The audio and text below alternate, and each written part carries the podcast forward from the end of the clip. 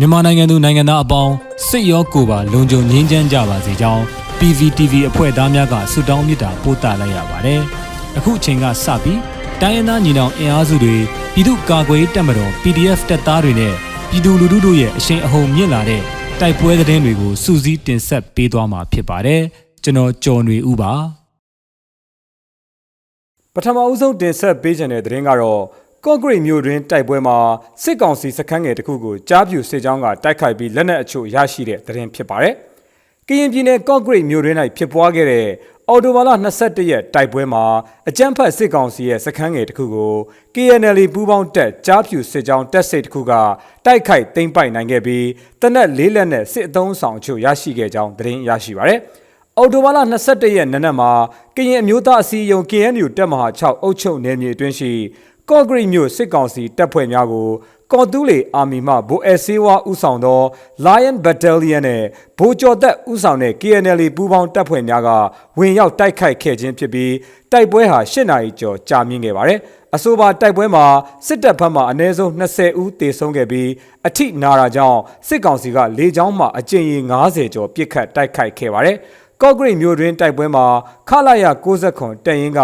အများပြည်သူပိုင်နေအိမ်ခြံဝင်းများအတွင်းသို့လက်နက်ကြီးများဖြင့်ပစ်ခတ်ခဲ့ပြီးလေကြောင်းမှလည်းမြို့အနီးဝန်းကျင်ရှိကျေးရွာများအတွင်းသို့အကြိမ်ရင်များစွာဘုံကျဲပစ်ခတ်ခဲ့ပါတယ်။မိုးမောက်မှာစစ်တပ်စစ်ကြောင်း၃ကြောင်းတပြိုင်တည်းတိုက်ခိုက်ခံရပြီးထိခိုက်ဒေဆုံးမှုများပြားတဲ့တဲ့ရင်ကိုဆက်လက်တင်ဆက်ပါမယ်။ ကချင်ပြည်နယ်မိုးမောက်မြို့နယ်မှာအကြမ်းဖက်စစ်တပ်ရဲ့စစ်ကြောင်း၃ကြောင်းတပြိုင်တည်းတိုက်ခိုက်ခံရပြီးထိခိုက်ဒေဆုံးမှုများပြားကြောင်းဒေသခံများထံမှသိရပါဗျ။ဗမော်ခရိုင်မိုးမောက်မြို့မှာတက်ဆွဲထားတဲ့အကြမ်းဖက်စစ်တပ်ခမာယ43ခွန်တပ်ရင်းမှလုံဂျာတောင်တို့ဥတီကကချင်လူမျိုးရေးတပ်မတော် KIA တပ်မဟာ3ထိန်းချုပ်နယ်မြေတွင်စစ်ကြောင်း၃ကြောင်းဖြင့်ထိုးစစ်ဆင်းလာတဲ့စစ်ကြောင်းကို အော်တိုဘာလ22ရက်နေ့မွန်လွယ်12နာရီခန့်မှာ KIA တပ်ဖွဲ့များကတပြိုင်တည်းတိုက်ခိုက်ခဲ့ကြောင်းသိရပါဗျ။အကြမ်းဖက်စစ်တပ်စစ်ကြောင်း၃ကြောင်းကိုကချင်လွတ်မြောက်ရေးတပ်မတော် KIA တပ်မဟာ3အမှတ်15တပ်ရင်းတပ်ဖွဲ့များကတိုက်ခိုက်ခဲ့ပြီးစစ်တပ်ဘက်မှထိခိုက်ဒေဆုံးမှုများပြားကြောင်းသိရပါဗျ။အကြမ်းဖက်စစ်တပ်ဘက်မှထိခိုက်ဒေဆုံးမှုများပြားခဲ့တာကြောင့်မြစ်ကြီးနားမြို့မြောက်ပိုင်းတိုင်းစစ်ဌာနချုပ်မပခမှတိုက်လေရင်များလက်နက်ကြီးများဖြင့်ညနေပိုင်းနဲ့ညပိုင်းမှာရန်တမ်းပစ်ခတ်ခြင်းများပြုလုပ်နေကြောင်းသိရပါဗျ။